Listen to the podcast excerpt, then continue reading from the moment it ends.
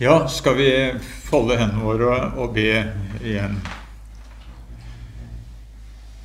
Kom, Hellige Ånd, med skapermakt, opprett hva synd har ødelagt, og glede i hvert hjerte gi, som du har skapt til evig liv.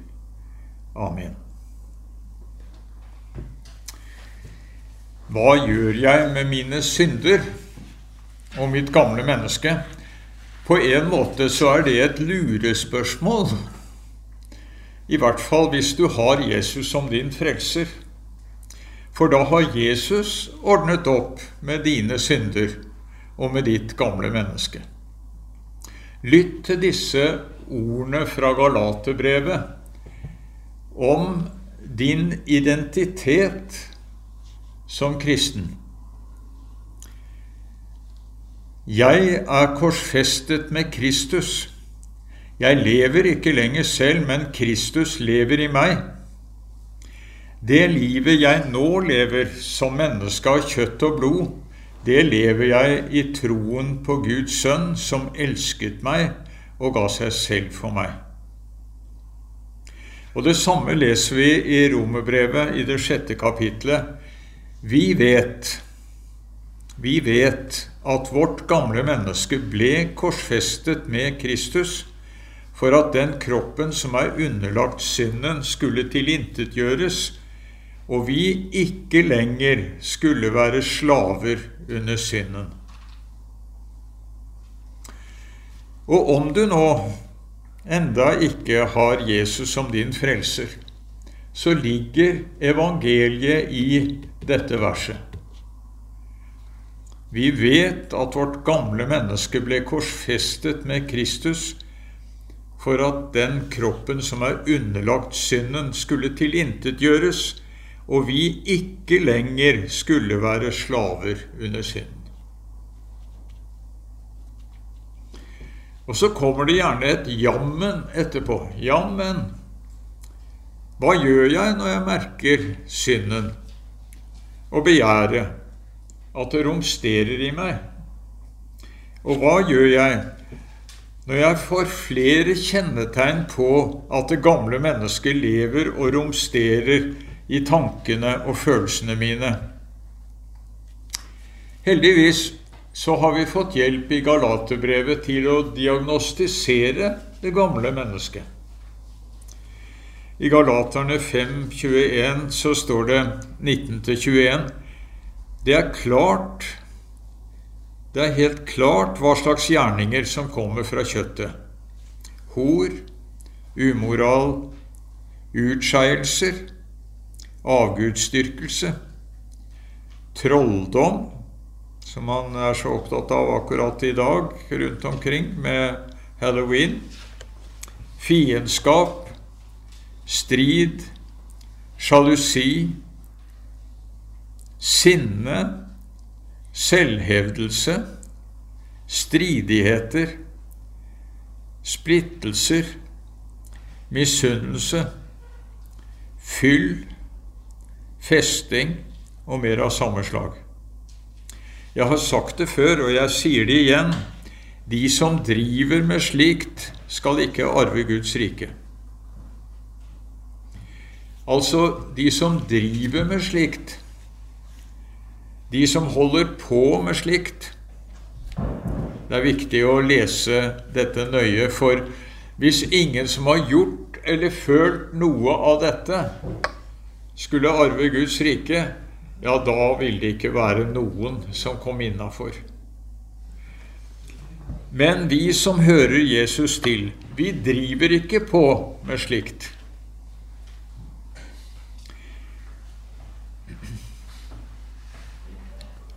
Selv om lysten nok melder seg. Evangeliet til oss, det er at det gamle mennesket med disse gjerningene er korsfestet med Kristus. Vårt gamle menneske og ditt gamle menneske hører hjemme på korset. Det jeg skal gjøre med synden og mitt gamle menneske, det er å se til at jeg ikke henter det ned igjen av korset og gjør det til mitt eget. Det skal ikke være meg lenger.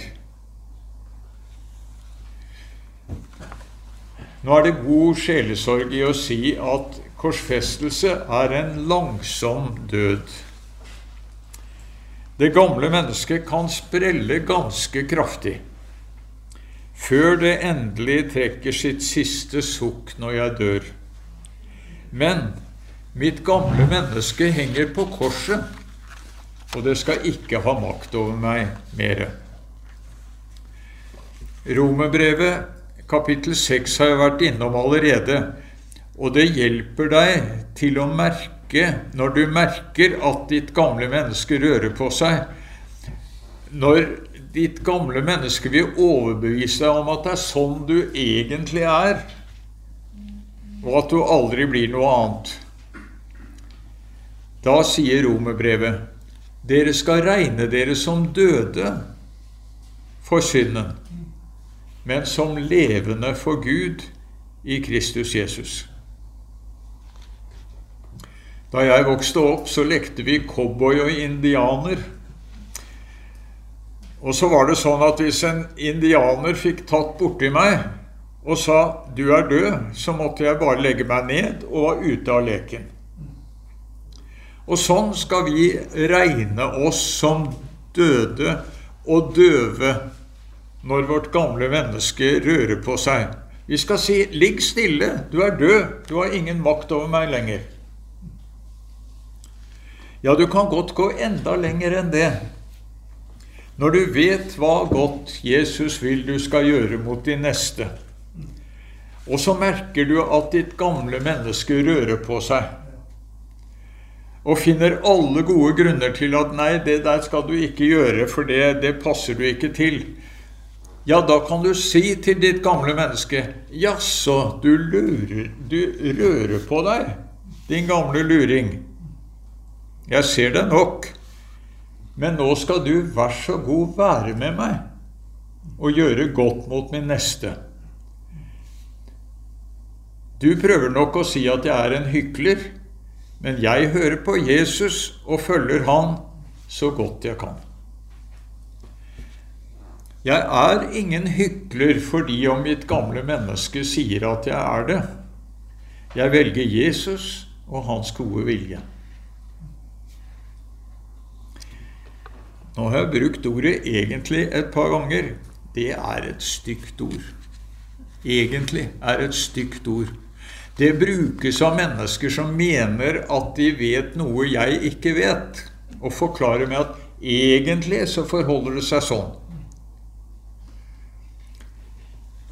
Du og jeg som har Jesus som vår frelser, vi er ikke egentlig vårt gamle jeg. Ta til deg det ordet fra 2. Korinterbrev. Den som er i Kristus, er en ny skapning. Det gamle er borte, og se, det nye er blitt til. Jeg tror vi har godt av å spørre oss selv hvor har jeg min identitet? Hvem er jeg? Kanskje har du ditt, din kristne identitet i ditt gamle, men korsfestede menneske. Eller har du din kristne identitet i, ditt, i det nye mennesket? I ditt frelste jeg? Djevelen sier du blir aldri noe annet enn en fordømt synder. Men Kristus sier, 'Jeg har frelst deg'. Jeg har født deg på ny. Du er en ny skapning. Du er min. Og ham skal vi lytte til. Og jeg kan svare, ren og rettferdig, himmelen verdig, er jeg i verdens frelser alt nu.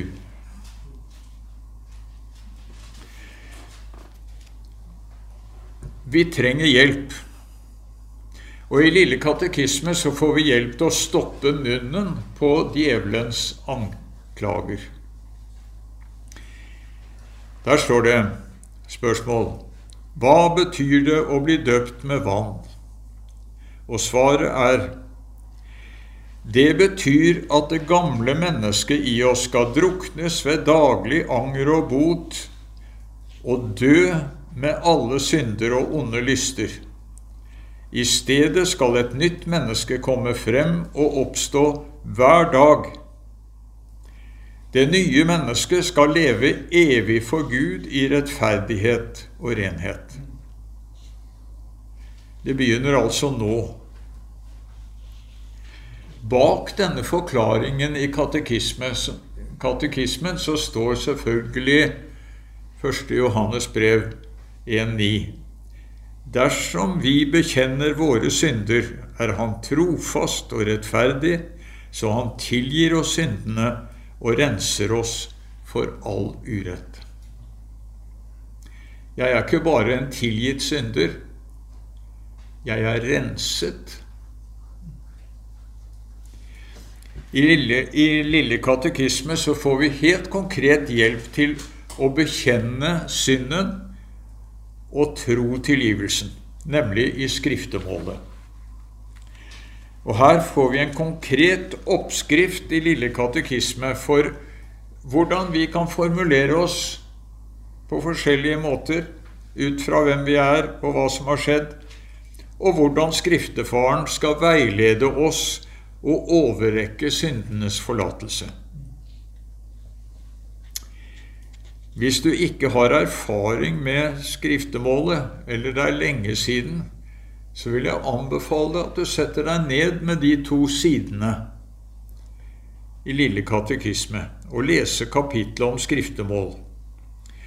Å komme i gang med å skrifte, det er å slippe lys og frisk luft inn i kristenlivet. Lys og frisk luft.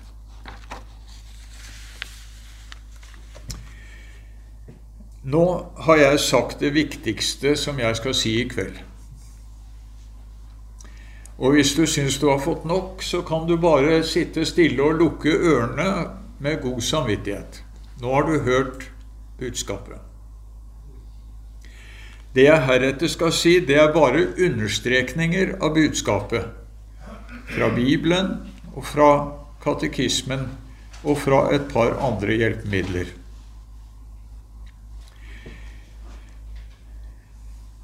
For de som da har tenkt å være våkne litt til, så fortsetter jeg. Hva gjør jeg med mine synder og mitt gamle menneske?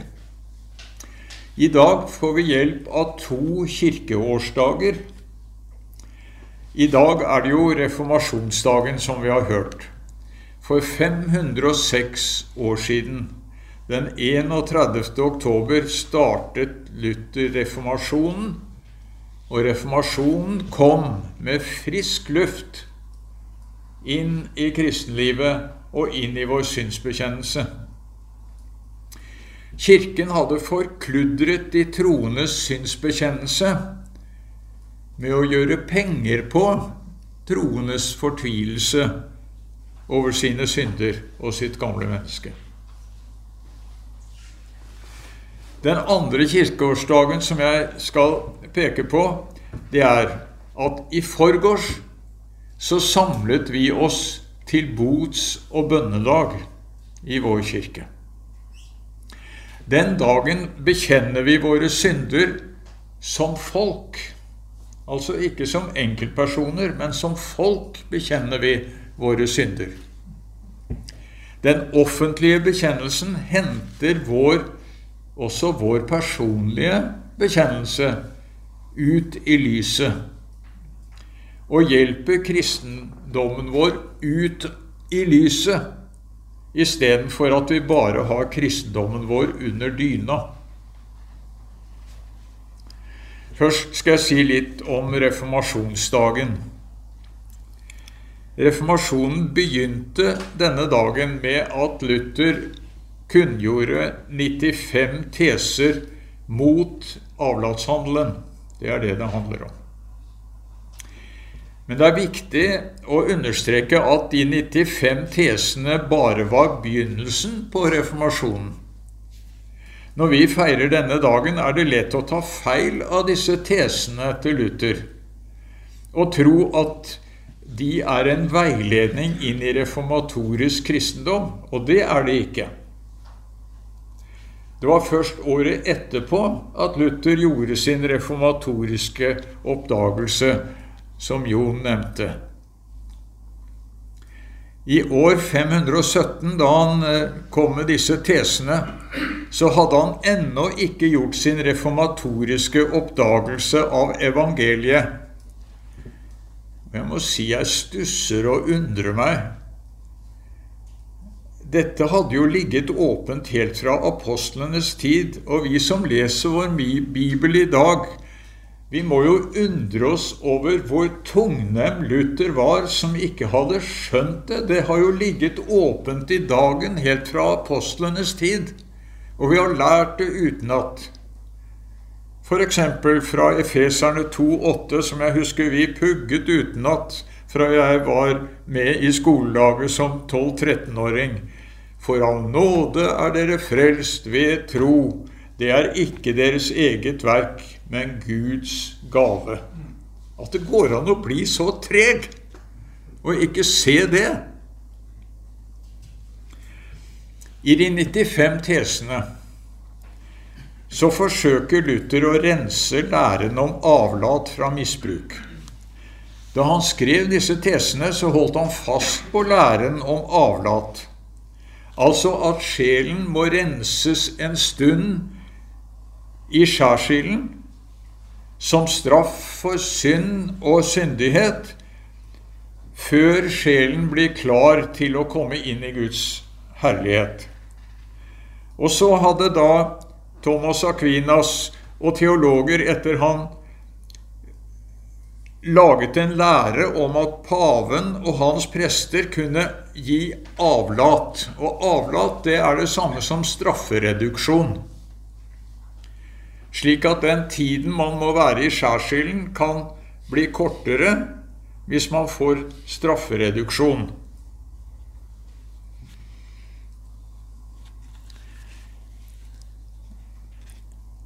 Noen siterer bare den første tesen,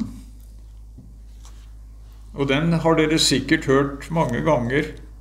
Når Vår Herre og Mester Jesus Kristus sier 'gjør bot', da ville han at den troendes hele liv skulle være viet til bot. Ja, løsrevet fra sammenhengen så høres det ut som en ganske krypende og depressiv kristendom. Men denne tesen til Luther det var en protest mot at man kunne kjøpe seg så mye avlat at man ikke trengte å angre sine synder lenger. Luther hadde opplevd at det kom noen for å skrifte sin synd, og når han da spurte angrer du dette, så sa de nei, det trenger vi ikke, for vi har kjøpt så mye avlat at vi har mye å gå på. Nei, skrev Luther i sin første tese. Sine synder skal man bekjenne hele livet. Man kan ikke kjøpe seg fri på forhånd som man slipper å angre og bekjenne. Luther oppdaget evangeliet først året etterpå. Og først tre år etterpå, i 1520, så kastet han forestillingene om avlat og skjærsild ut av kristendommen.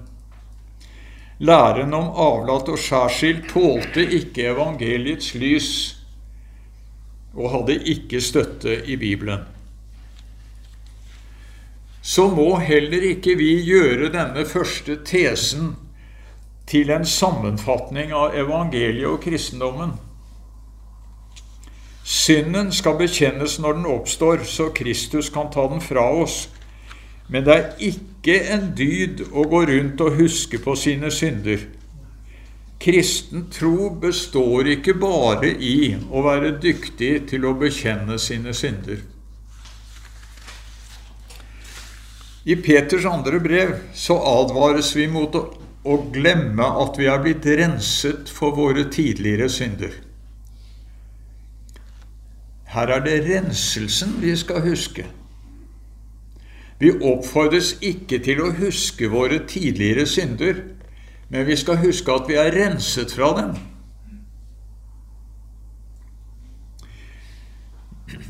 Luther ga oss også ordene 'samtidig rettferdig og synder'.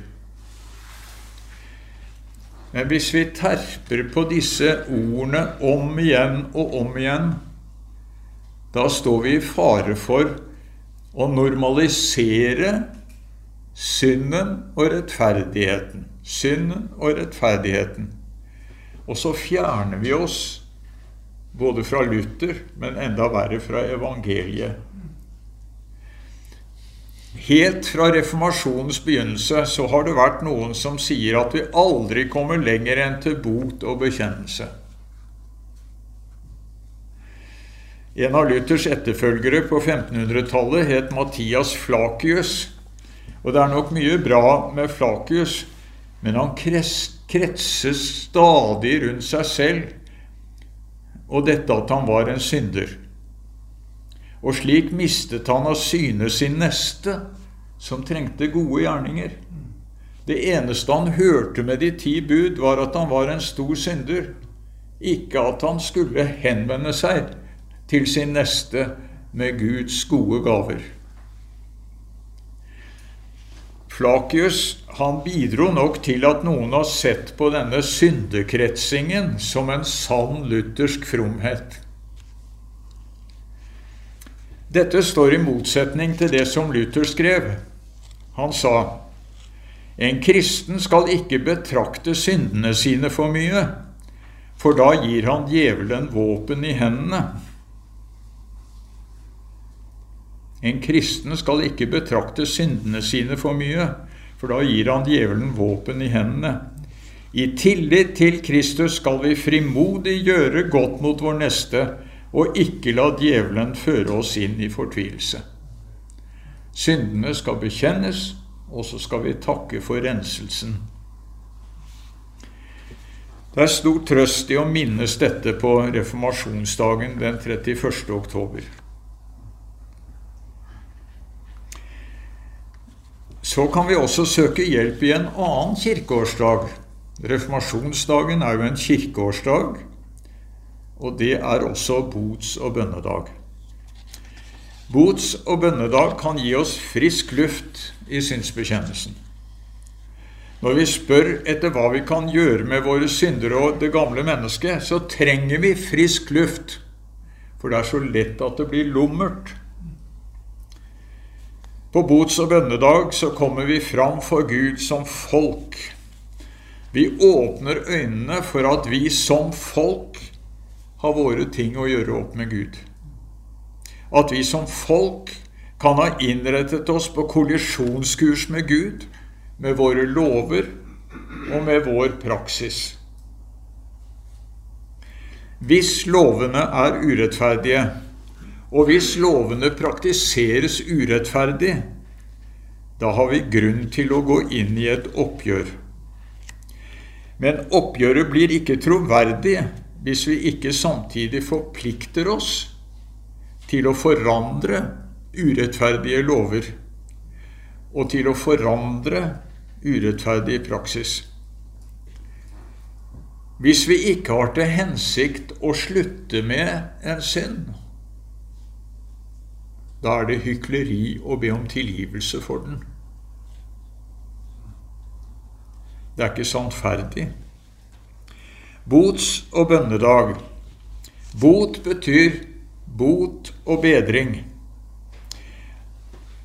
Bot er å bøte på det som er ødelagt i fortiden, å reparere.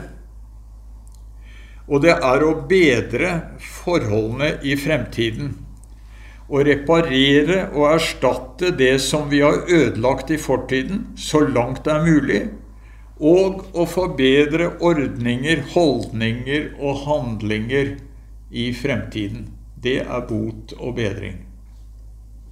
Når vi kalles, kaller det bots- og bønnedag, så er det fordi vi ikke bare har krenket mennesket med lover og praksis, vi har også krenket Gud og Hans gode vilje med hver enkelt borger i samfunnet vårt. Og vi har grunn til å gå inn i konkret bønn til Gud og beklage for ham det vi har gjort, også i samfunnet, og be om hans tilgivelse.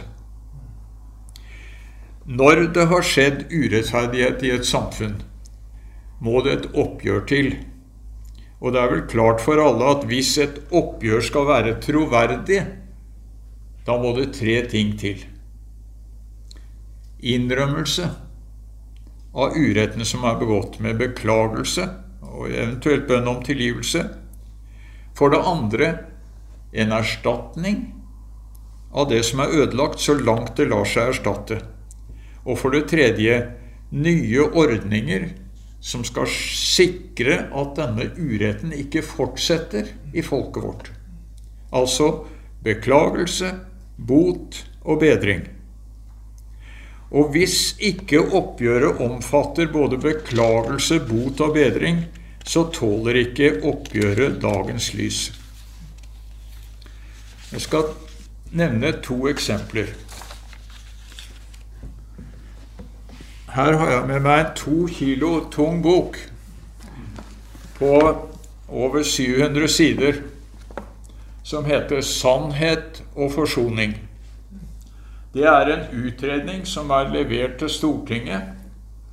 Grunnlag for et oppgjør med fornorskningspolitikk og urett mot samer, kvener, norskfinner og skogfinner.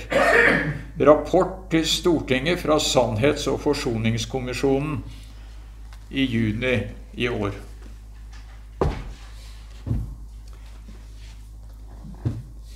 Den veier over to kilo. I utredningen så åpner man for en synsbekjennelse.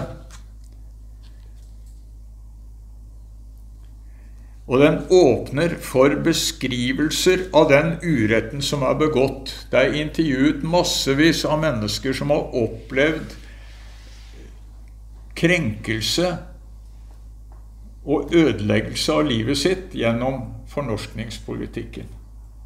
Noen av dere har kanskje erfaring fra Nord-Norge og har møtt mennesker som kveles av skam over det å ikke være vokst opp med norsk.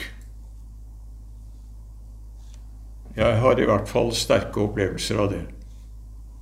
Men i denne boka og i dette denne utredningen så settes det fram forslag til hva som kan gjøres for å rette opp de skadene som disse folkegruppene er påført.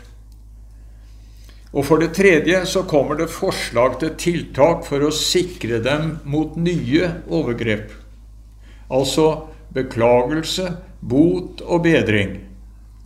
I denne utredningen så er det mye å lære om oppgjør og forsoning og faktisk bruker de ordet tilgivelse. Denne utredningen er et kjempeverk. Og hva skjer nå, etter at den er levert? Hele den forsoningsprosessen som det legges opp til i denne boka, er satt på vent av en konkret grunn, og det er Fosen-saken. Staten vil ikke bøye seg for høyesterettsdommen om at vindkraftutbyggingen på Fosenhalvøya strider mot folkeretten og er en krenkelse av reindriftssamene. Derfor står nå hele denne forsoningsprosessen på vent. Og det er fare for at det ikke blir noe mer av det. Jeg vil også ta fram et annet eksempel fra i år. Det evangelisk-lutherske kirkesamfunn ga i sommer ut en historie om kirkesamfunnet de siste 50 årene. Den er tankevekkende på mange måter. I de senere år så har kirkesamfunnet hatt to forsoningsprosesser, to prosesser hvor de har gitt uforbeholdne beklagelser til dem som har opplevd å bli brent av skolegang og oppvekst i kirkesamfunnet. Prosessen fra 2018 var den grundigste. Og der fikk alle anledning til å komme og fortelle om sine opplevelser. Og det er særlig én ting jeg vil trekke fram. Kirkesamfunnet vil beklage det som har skjedd, men de ber ikke om tilgivelse.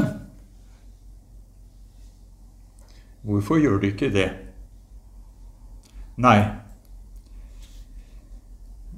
de vil ikke kreve noe av disse brente barna fra skolearbeidet i det evangelisk-lutherske kirkesamfunn. Å be dem om tilgivelse er å stille et krav til dem.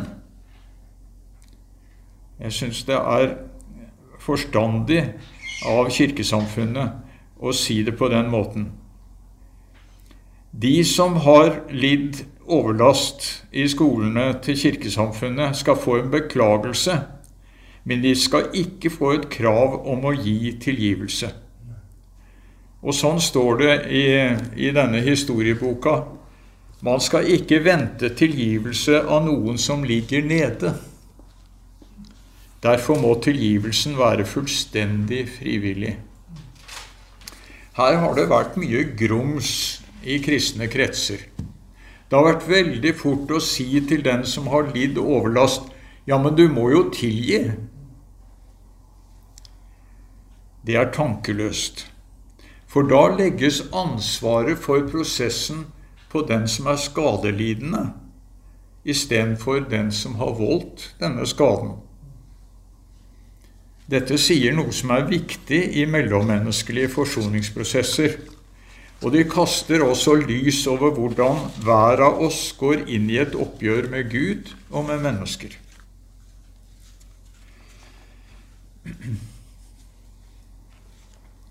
Da Jesus kom for å frelse oss, så skjedde det offentlig. Det er viktig å understreke. Han talte offentlig om folkets synder og om enkeltmenneskets synder.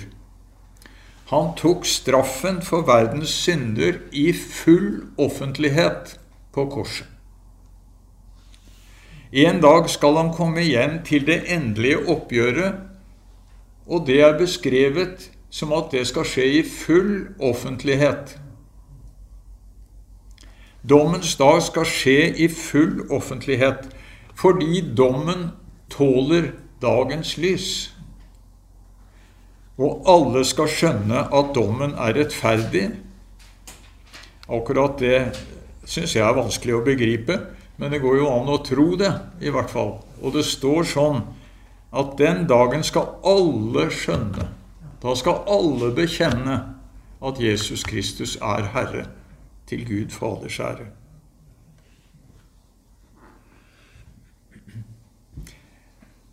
Jeg tror dette med det offentlige er godt å få tatt inn i synsbekjennelsen vår, så den ikke er bare i lummerhet under dyna.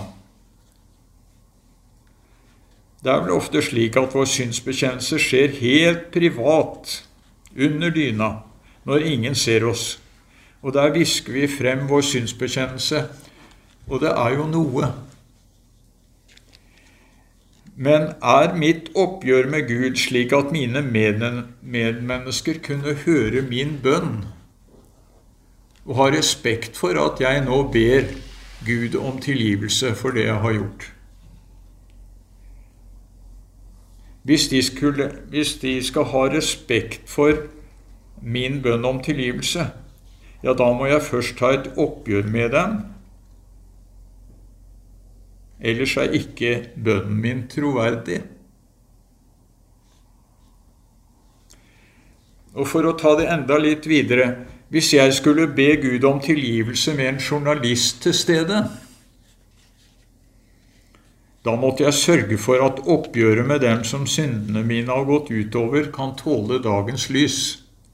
At min bønn kan tåle å være offentlig. Hvis hele kristendommen min foregår under dyna, da kan jeg lett slå meg til ro med en lettvint bønn om tilgivelse. Da er det lett å begynne å mumle. Ja, ja, ingen kan klare å leve et hellig liv, i hvert fall ikke jeg. Mitt eneste håp er å be om tilgivelse og håpe at Gud er raus.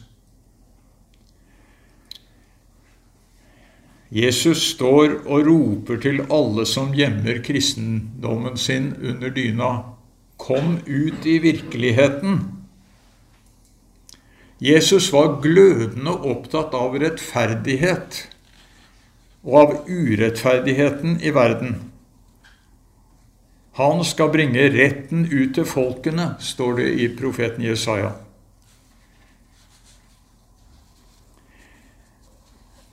Da er det klart at han ikke kan glatte over uretten med en tilgivelse sånn i all hemmelighet under dyna. Han vil ha alle med i denne kampen mot uretten, i hans verden, han som har skapt og vært med å skape himmel og jord og holder dem ved like. Det er rart hvor nødvendig det er å si helt enkle ting, både i dag og den gang. I Det nye testamentet leser vi Gud kalte oss ikke til urenhet. Hvordan går det an å si noe så selvfølgelig som det? Gud kalte oss ikke til urenhet. Er ikke det opplagt? Nei, det skjønner vel alle. Ja, alle burde nok skjønne det, men hvis kristendommen min bare finnes under dyna, da er det lett å glemme det allikevel. I første Tessaloniker står det Ingen må gjøre sin bror urett eller bedra ham. Herren straffer alt slikt. Det har vi tidligere sagt og lagt dere på sinne. For Gud kalte oss ikke til urenhet, men til et hellig liv. I innbydelsen til denne kvelden så sto det et spørsmål. Lever vi i lyset, eller slutter vi i fred med synden? Ja, det er lett å bli bedratt, og vi i FBB er flinke å gripe tilbake til reformasjonstiden. Men vi kan også bli bedratt hvis vi klipper ut ting fra reformasjonstiden.